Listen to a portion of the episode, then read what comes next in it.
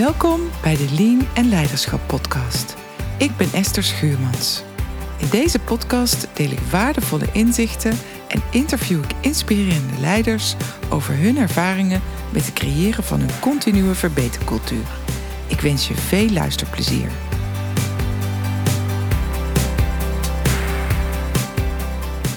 Welkom bij weer een uh, nieuwe podcast. Ik zit hier bij uh, Arnoud Aurelio. Arnoud, hartelijk dank dat je me wilt ontvangen om weer een uh, nieuwe podcast op te nemen. En wil jij jezelf eventjes voorstellen? Ja, hartstikke graag. Leuk dat je hier bent. Um, nou, mijn naam is Arnoud Aurelio. Um, inmiddels 50 gepasseerd. Dus veel ervaring. Um, van oorsprong ingenieur. Uh, na avonturen in de automobielindustrie en het projectmanagement ben ik als consultant gaan werken in 99 inmiddels. Um, wat we tegenwoordig lean zouden noemen. En daar al snel geleerd dat als je beter wil worden, dat dat een heel systeem vraagt en een manier van denken.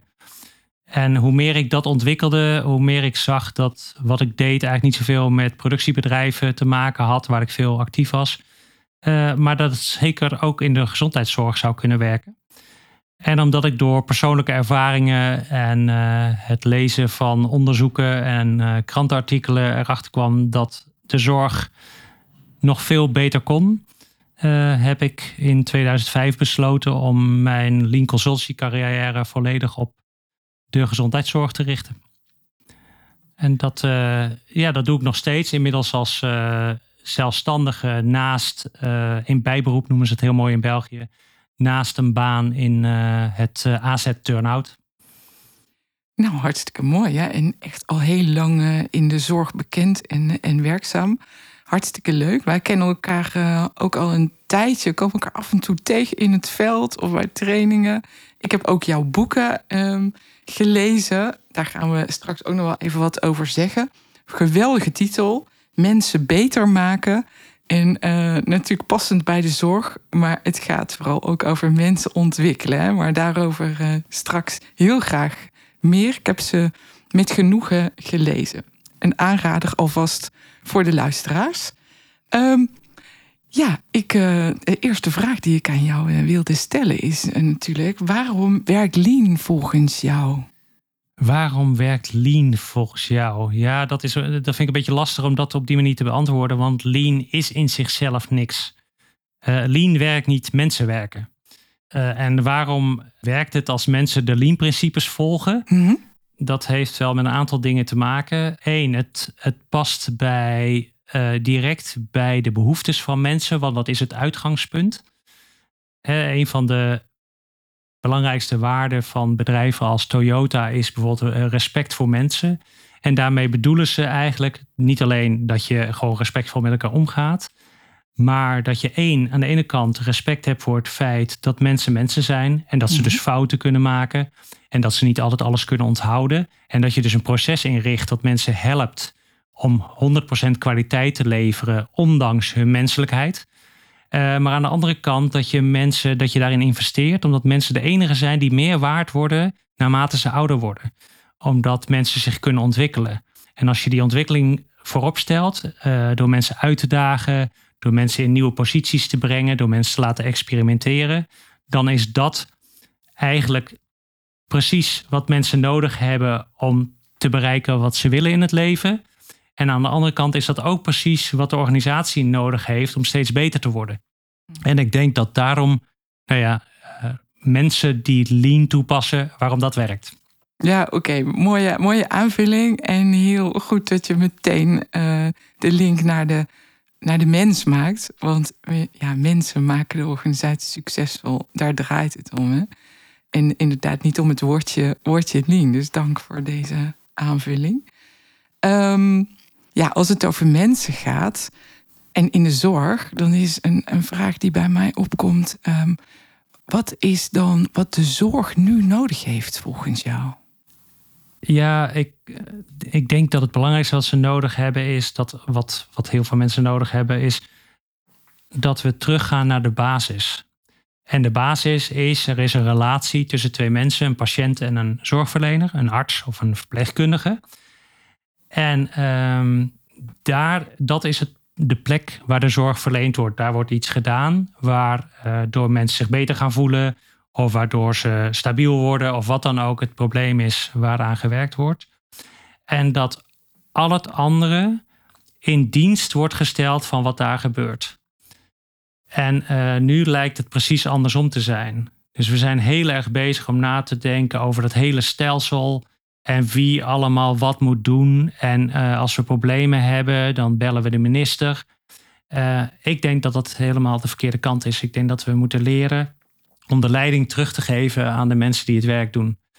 En als zij de leiding krijgen over nou ja, het proces wat nodig is om betere zorg te verlenen. Want ik denk dat dat zeker ook nodig is. Ik denk dat, dat als je vraagt van wat hebben patiënten nodig? Ja, dat ze precies krijgen wat voor hen in die situatie het beste is. Op het moment dat ze daarom vragen. En niet na drie maanden of na drie jaar. Hmm. Um, dus ik denk dat dat, uh, dat dat het belangrijkste is. Dat de aandacht weer teruggaat naar het primaire proces tussen die zorgverlener en die patiënt. En wat kan Lean dan eventueel bijdragen aan die noodzaak? Dat is uh, het geloof dat het proces de uitkomst bepaalt. En dat het dus niet die individuele mensen zijn die de uitkomst bepalen. Want die kunnen wel heel goed hun werk doen, maar als de computer niet werkt of als uh, ze vijf formulieren moeten invullen voordat ze aan het werk mogen, dan is dat nog steeds een probleem. Dus dat is denk ik wat de twee dingen zijn. Eén, focus op het primaire proces. En twee, geloven dat het proces, dat daar het antwoord zit op niet alleen hoogkwalitatieve zorg, maar ook toegankelijke zorg en ook de zorg met de laagste kosten. Want we vermijden heel veel dat woord, maar de zorg is gewoon veel te duur. Ja. Niet alleen omdat we moeite hebben om het te betalen, maar gewoon omdat er veel geld gaat naar dingen die niet die direct bijdragen. Ja. En dat is, nou, dat is denk ik wat, wat onze lean-bril, als je het zo wil noemen, daaraan kan bijdragen. Ja, ja dus samengevat, um, focus op het primaire proces uh, en vooral ook de regie bij de professional terug. Ja, zeker. In het proces. En maar met daarbij het geloof um, dat het proces voor de goede uitkomsten zorgt. Ja, precies. Ja. ja. En regie, dat moet je ruim zien. Want ik denk dat dat betekent dus dat we zorgverleners uh, moeten leren wat leiderschap is. En dat dat dus niets te maken heeft met leiding geven, maar bereid zijn het initiatief te nemen om nieuwe dingen te proberen ten dienste van patiënten of collega's. Mooi bruggetje wat je maakt naar leiderschap, want daar gaat mijn volgende vraag over. En jij besteedt daar ook een heel groot deel uh, in je boeken aan. Het, uh, de rol van uh, directie, de rol van management en wat leiderschap dan betekent. En jij geeft, jij geeft nu meteen al aan, ehm, leiderschap gaat over iedereen in de organisatie. Ja, zeker. Dus ik heb collega's in Amerika en die hebben een boek geschreven dat heet Developing Lean Leaders at All Levels. Okay. En dat is een beetje wat de uitdaging is. Ja. He, dat dat uh, leiderschap, dat ontwikkel je van, van onderaf. Mm -hmm. Wat je doet is, dat betekent niet dat iedereen een leider of leidinggevende of manager moet worden, maar dat betekent dat iedereen werkt aan zijn leiderschap. Mm -hmm. En afhankelijk van het tempo waarmee je dat ontwikkelt, kun je grotere problemen aan. En als je nou de mensen die grotere problemen aan kunnen, als je die nou promoveert, in plaats van de mensen die veel kennis hebben, wat we ook wel eens eh, neigen te doen, maar mensen die grotere problemen aan kunnen, die promoveer je. Zodat die op een gegeven moment op een niveau komen waarop ze misschien tactische of strategische problemen aan kunnen, of multidisciplinaire problemen. Hm.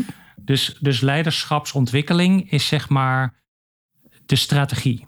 De strategie is, we gaan iedereen ontwikkelen in zijn leiderschap door ze eerst kleine en daarna steeds grotere problemen te laten oplossen. Ja, dus een lean transformatie, of een lean ziekenhuis worden of een lean organisatie worden, gaat wat jou betreft eigenlijk over een leiderschapontwikkelingstraject of proces. Klopt dat? Ja, ja, zeker, zeker. En en als je dan zegt van ja, wat moeten we die mensen dan leren? Ja. Dan wil je ze eigenlijk drie dingen leren. Eén, je wilt ze leren om hun problemen op te lossen in de richting van het ideaal. Ja.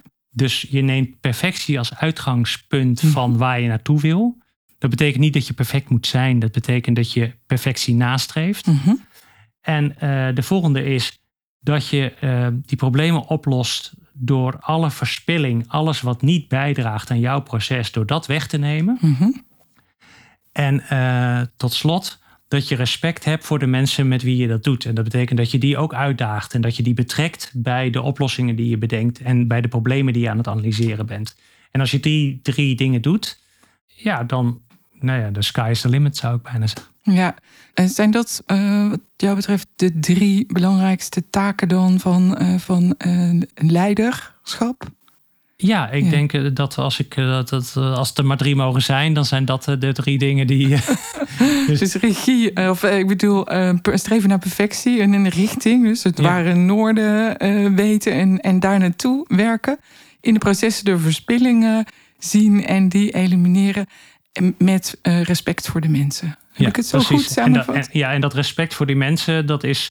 eh, dus dat is niet wat we traditioneel people management noemen. Nee. Van eh, ja, aardig zijn voor mensen en met ze omgaan en zorgen dat mensen tevreden zijn. Ik heb wel eens ruzie gehad met een teamleidster in een ziekenhuis.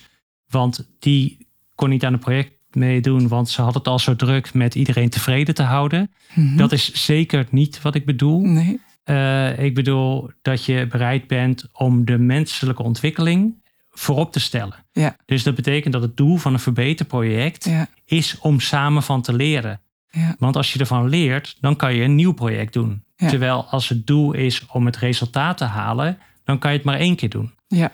En dat is het grote verschil. En ik zie maar weinig organisaties die dat echt snappen. Die snappen dat verbetering, dat is een continu proces. Mhm. En als je dus niet leert, dan kun je die continuïteit niet waarborgen. Ja, respect voor de mensen gaat er vooral over het, het geloven in het ontwikkelen van, van mensen met woord en daad. Ja. Oké.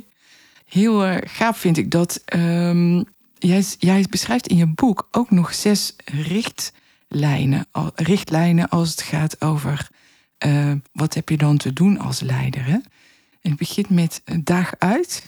Ja. Kun je er Dus- wat over zeggen? Hoe, eh, hoe zie jij uitdagen? Ja, en die uitdaging staat daar in dat lijstje van zes op één. Niet noodzakelijkerwijs, omdat het de belangrijkste is, wat dan ook. Maar het is wel iets waar we in Nederland de meeste moeite mee hebben. Mhm. Dus, ehm, hè, dus wij zijn er natuurlijk van niet je hoofd boven het maaiveld uitsteken. En doe maar, eh, als je, doe maar normaal, dan doe je al gek genoeg. Dus als we in Nederland ambitieus zijn, dan zijn we ambitieus op de inspanning. Dan zeggen Ja. we zijn heel ambitieus, want we gaan tien projecten doen. Ja. Dat heeft voor mij niks met ambitie te maken. Uitdagen betekent dat je buiten je comfortzone gedwongen wordt om iets te doen. Ja, waarvan je misschien eh, niet, eh, nog niet het vertrouwen hebt dat je het kunt. Mhm. En het is dus de taak van de leider om dat vertrouwen te hebben voordat mensen het zelf hebben. Dus ik geloof dat jij fantastische dingen kunt, Mhm. zonder dat jij daarvoor hebt bewezen dat dat waar is. Ja. Ja, uitdagen is dus het middel om mensen voor resultaten te laten gaan die ze, waar ze anders misschien eh, ja, niet aandurfden of waar ze misschien te veel weerstand voor hadden. Ja. Dus dat bedoel ik met uitdagen. Ja, ja, ja. Mooi, duidelijk. En het tweede is observeren. Ik denk dat dat de belangrijkste is. Dus Mhm. omdat, één, dan kun je iedereen leren. En twee, dat geeft direct inspiratie en bewustwording over waar het beter kan. Dus als je maar één ding mag doen of één ding uit mijn boek mag halen, dan eh, die- die vraag krijg ik wel eens. Mhm. Dan zeg ik bijna altijd van onder de voorwaarde dat je bereid bent om te leren. Als je Mhm. niet bereid bent te leren, moet je vooral niks doen. Mhm. Ga observeren. En niet zomaar even, maar ga ergens zitten of staan een half uur lang of liever nog langer. Ja, ja, ja. En kijk één kant uit en kijk wat je ziet. Ja. Ja, dan ga je, hoe langer je kijkt, hoe meer details je gaat zien en hoe meer je gaat snappen van, hé, hey, is het nou eigenlijk wel zo logisch? Mhm. hey, ik snap eigenlijk niet precies wat daar gebeurt. hey, dat, eh, dat bord, dat is eigenlijk onleesbaar. Nou, je gaat allemaal dingen zien. Dus binnen, binnen een hele korte tijd krijg je een, een, ja, een enorme lijst aan verbeterideeën. Ja. En, maar daar hebben we nu de tijd niet voor, of daar nemen we de tijd niet voor, of daar zijn we te gehaast voor, waardoor mensen zeggen van, het kan niet beter. Nee. Ja, het kan heel veel beter. Ja. Als je de rust neemt Ja. om weer even opnieuw te leren kijken naar wat je aan het doen bent. Ja. Ja. Ja, eerst vertragen en dan eh, versnellen. Ehm, eh, ja, je zegt de belangrijkste observeren. En, maar volgens mij is de volgende ook heel belangrijk. Eh, Stel vragen. Ja, die is. Ja. Dus het, het hangt er een beetje vanaf wie het vraagt en wanneer. Dus eh, afhankelijk van hoe de vraag gesteld wordt. Van Ja. de, dus eh, als mensen vragen van wat is de eerstvolgende actie? Dan zeg ik observeren. Ja, Als je überhaupt maar één tool zou mogen gebruiken in je carrière als verbeteraar of als leider, dan eh, zou ik zeggen vragen stellen. ja, Want dat is de manier om verbinding te maken met andere mensen.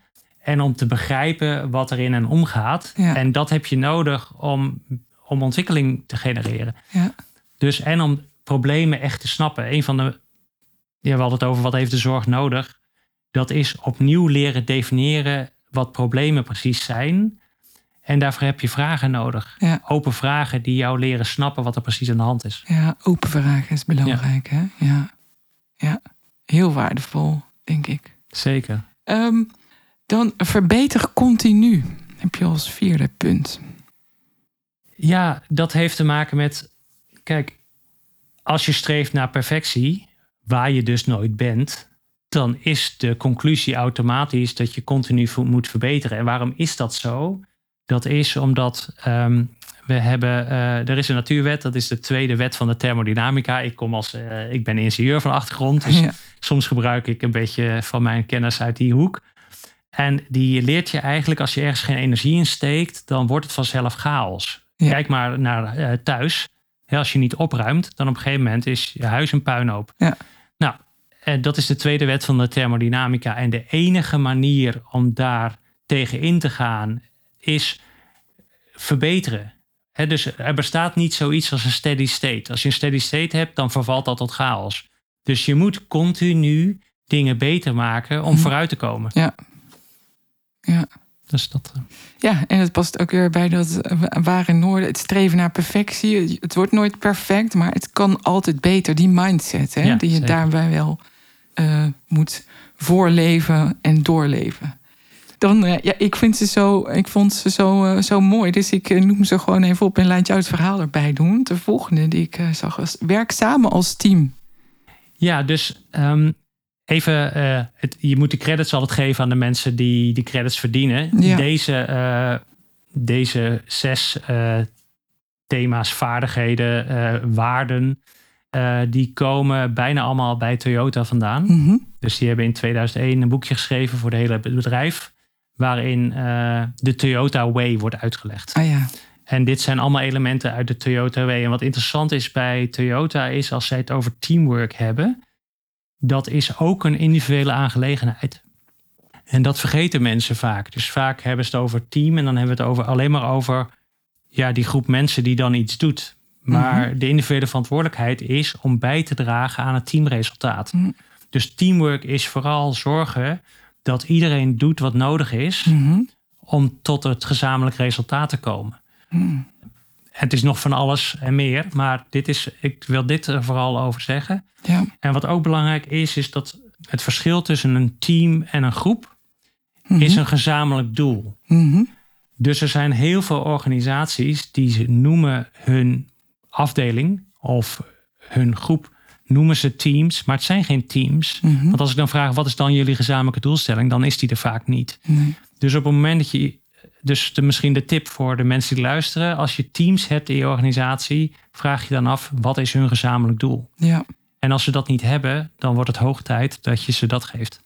Ja, en vervolgens gaat het om dat ieder daar zijn eigen bijdrage aan levert. Ja, en dat hij dus ook weet wat zijn eigen bijdrage daaraan is. Absoluut, Ja. absoluut, ja. Ja, mooi. Jij eh, haalt de Toyota W aan, hè?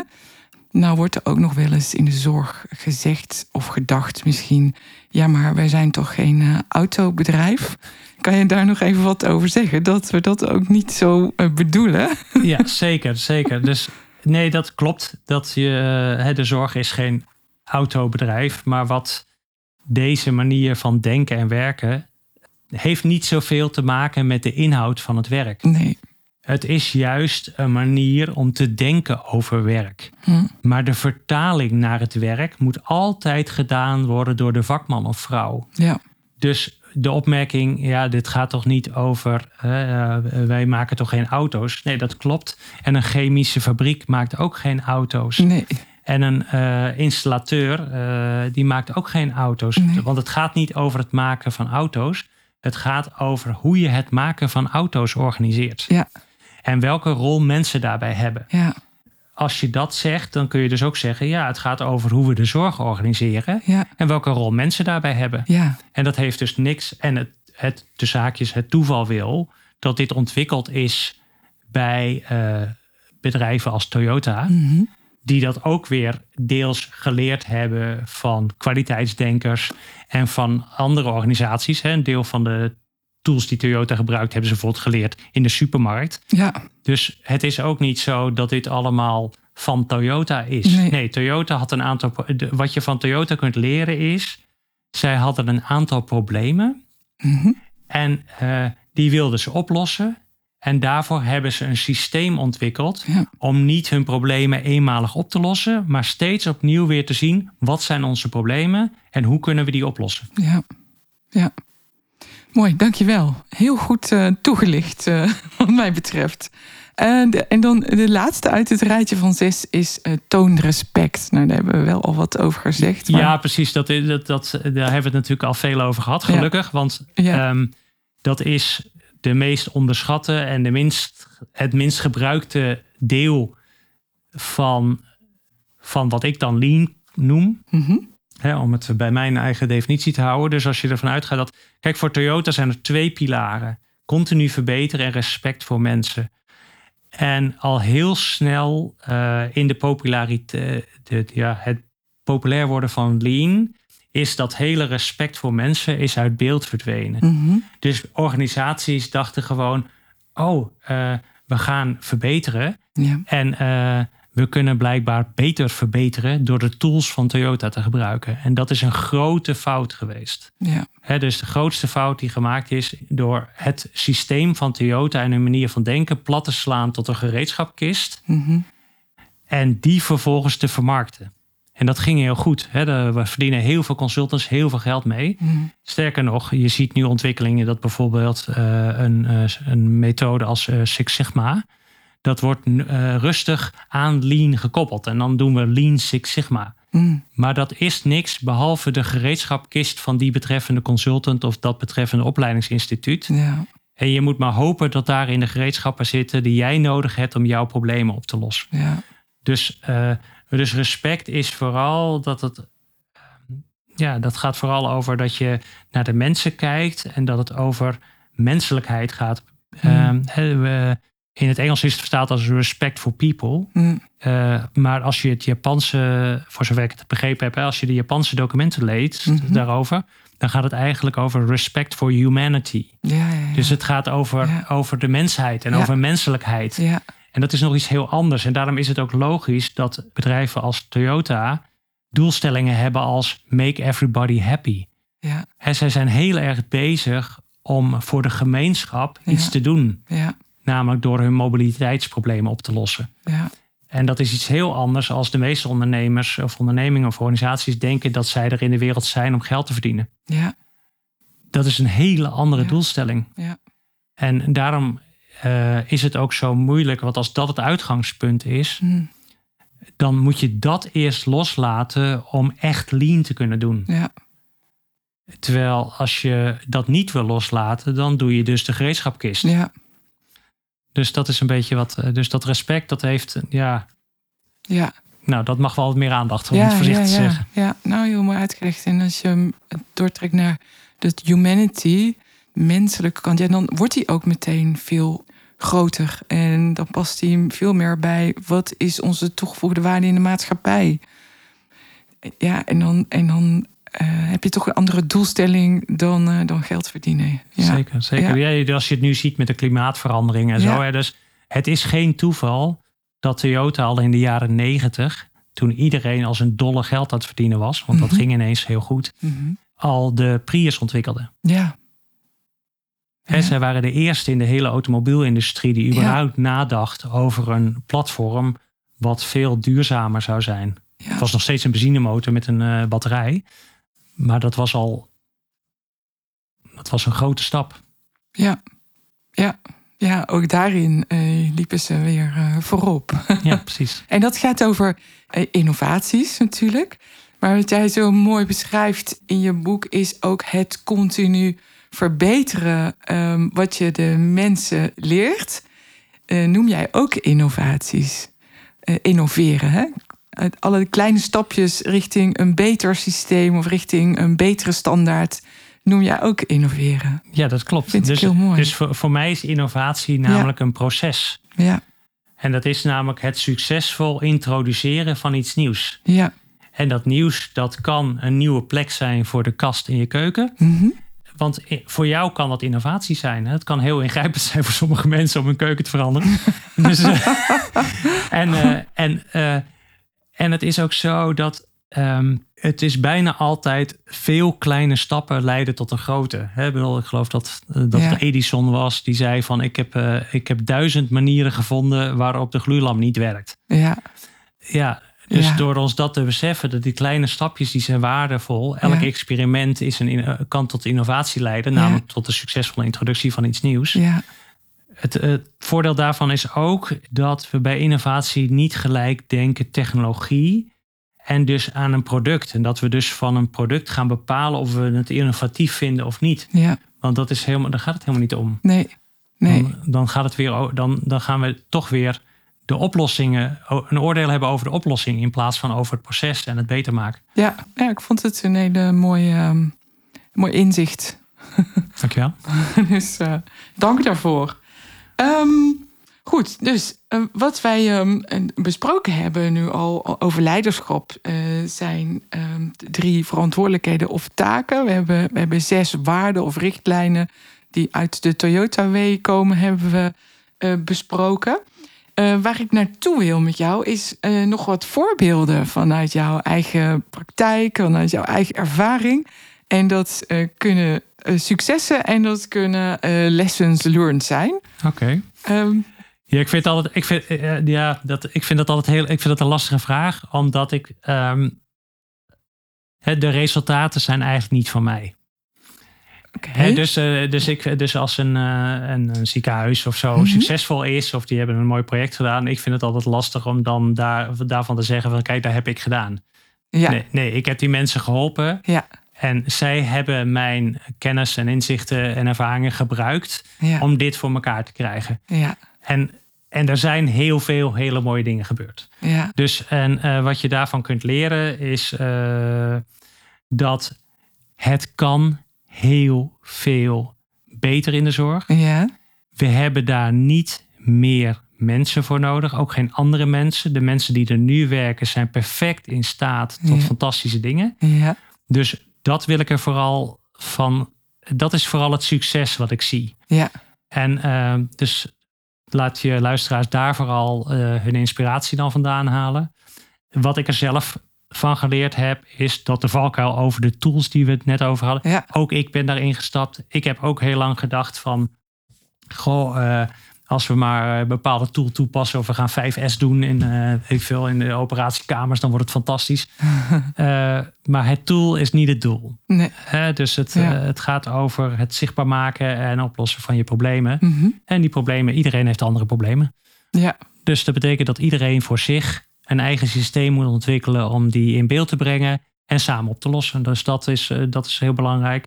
Wat ook zeker niet werkt, is mensen overtuigen mhm, van hoe geweldig dit is. ja, Eh, mensen kunnen alleen zichzelf overtuigen. En eh, iedereen doet dat op een andere manier. Dat is wel een reden dat ik bijvoorbeeld die boeken geschreven heb.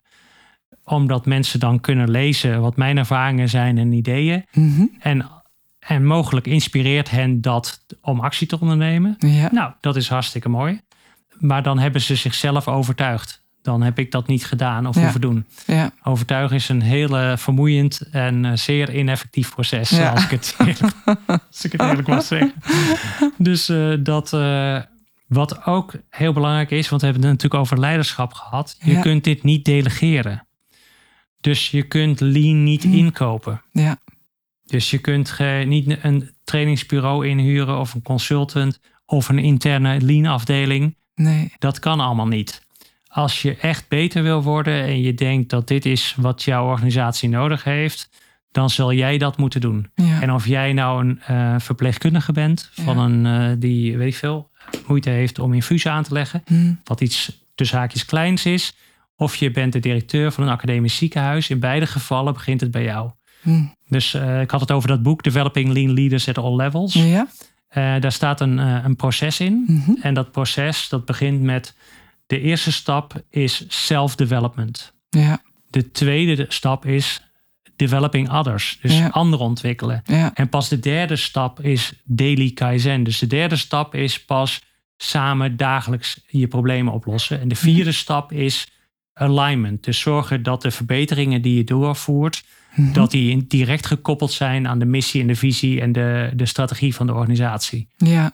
En dat is pas stap vier. Hm. En we zijn heel snel geneigd om stap drie of zel- eh, een nieuwe huddle invoeren, een nieuwe staatsessie invoeren, Mhm. dagelijks problemen oplossen of zelfs al verbeterprojecten doen. Mhm. Dus we beginnen aan de verkeerde kant van het proces. We zullen eerst onszelf moeten ontwikkelen voordat we tot die fantastische verbeteringen kunnen komen die Lean dan belooft. Of die consultants beloven, laten we het daar maar op houden. Ja, en, ehm, maar het is misschien wel eh, slim eh, om daarbij dan een eh, coach te hebben. Want, of kun je dat alleen, wat jou betreft? Nou, dat lijkt me niet. Dus nee, ik, het, het gaat om, het, om je denken te veranderen. Ja. Nou, dat, dat is bijna onmogelijk om dat zelf te doen. Hm. En er zijn mensen die lukt het door boeken te lezen. Mhm. Dus dan doen ze het een soort van zelf. Mhm.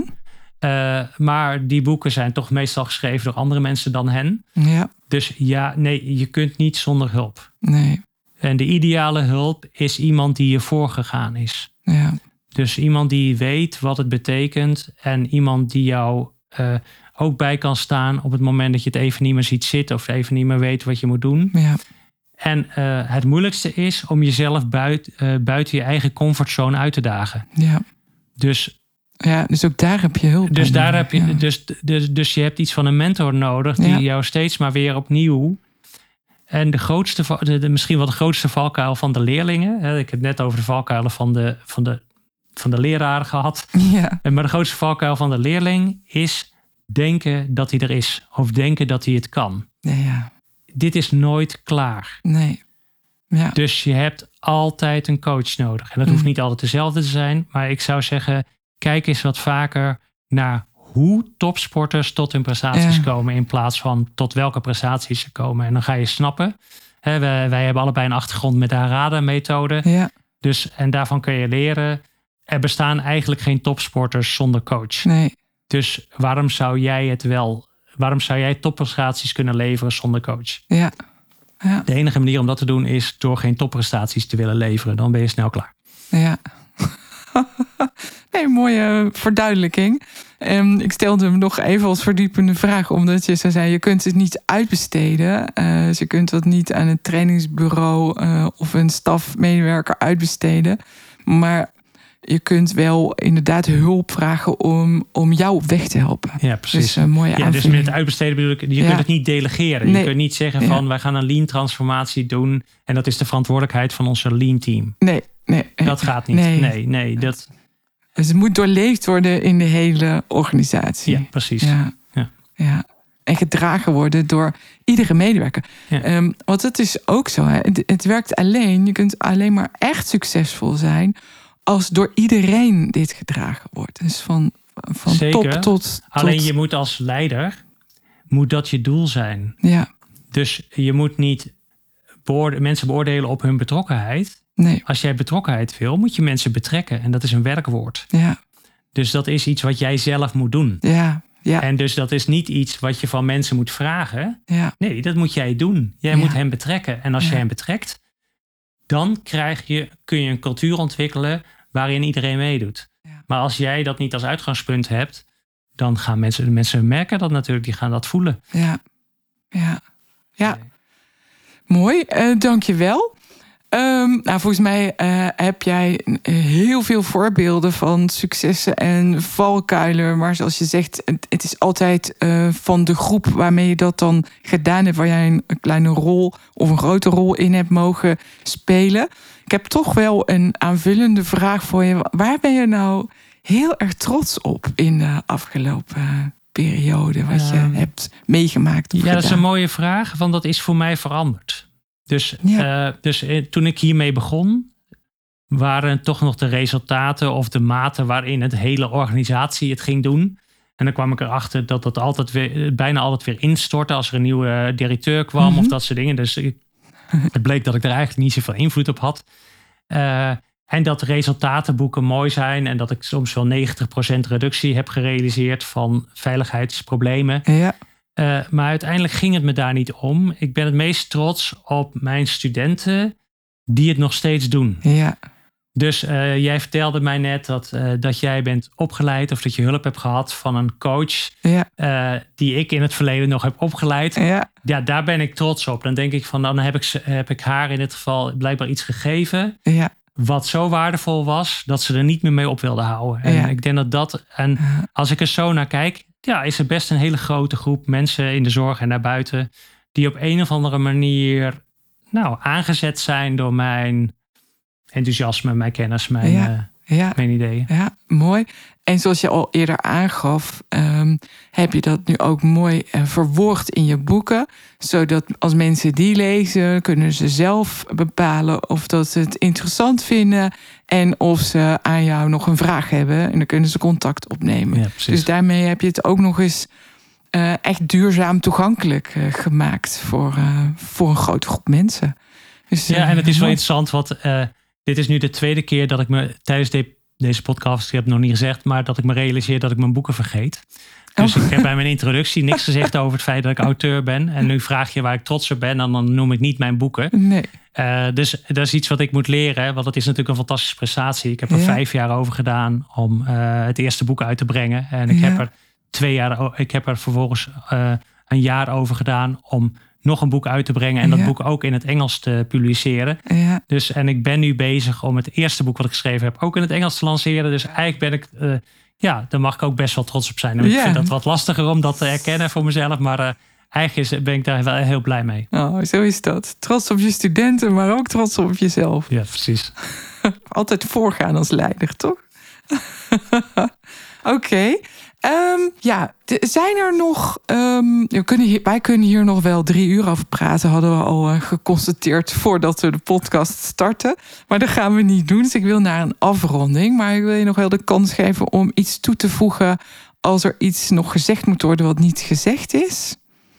Nou ja, nee, vind ik eigenlijk lastig. Ik, uh, ik weet het niet zo goed. Ik zou. Uh, ik zou zeggen van ga, ga vooral aan de slag. Ja één, uh, stel jezelf dat doel om te willen leren en uh, geloof dat dat kan. Ja. Dus dat is. Uh, en dan nou. kan iedereen kan daarmee doen wat hij of zij dan zelf wil. Nou, dan um, hartelijk dank Arnoud. Ik vond het een heel interessant en leuk gesprek. Dus um, heel erg bedankt. En nou, graag tot een andere keer weer. Ja, jij ook bedankt.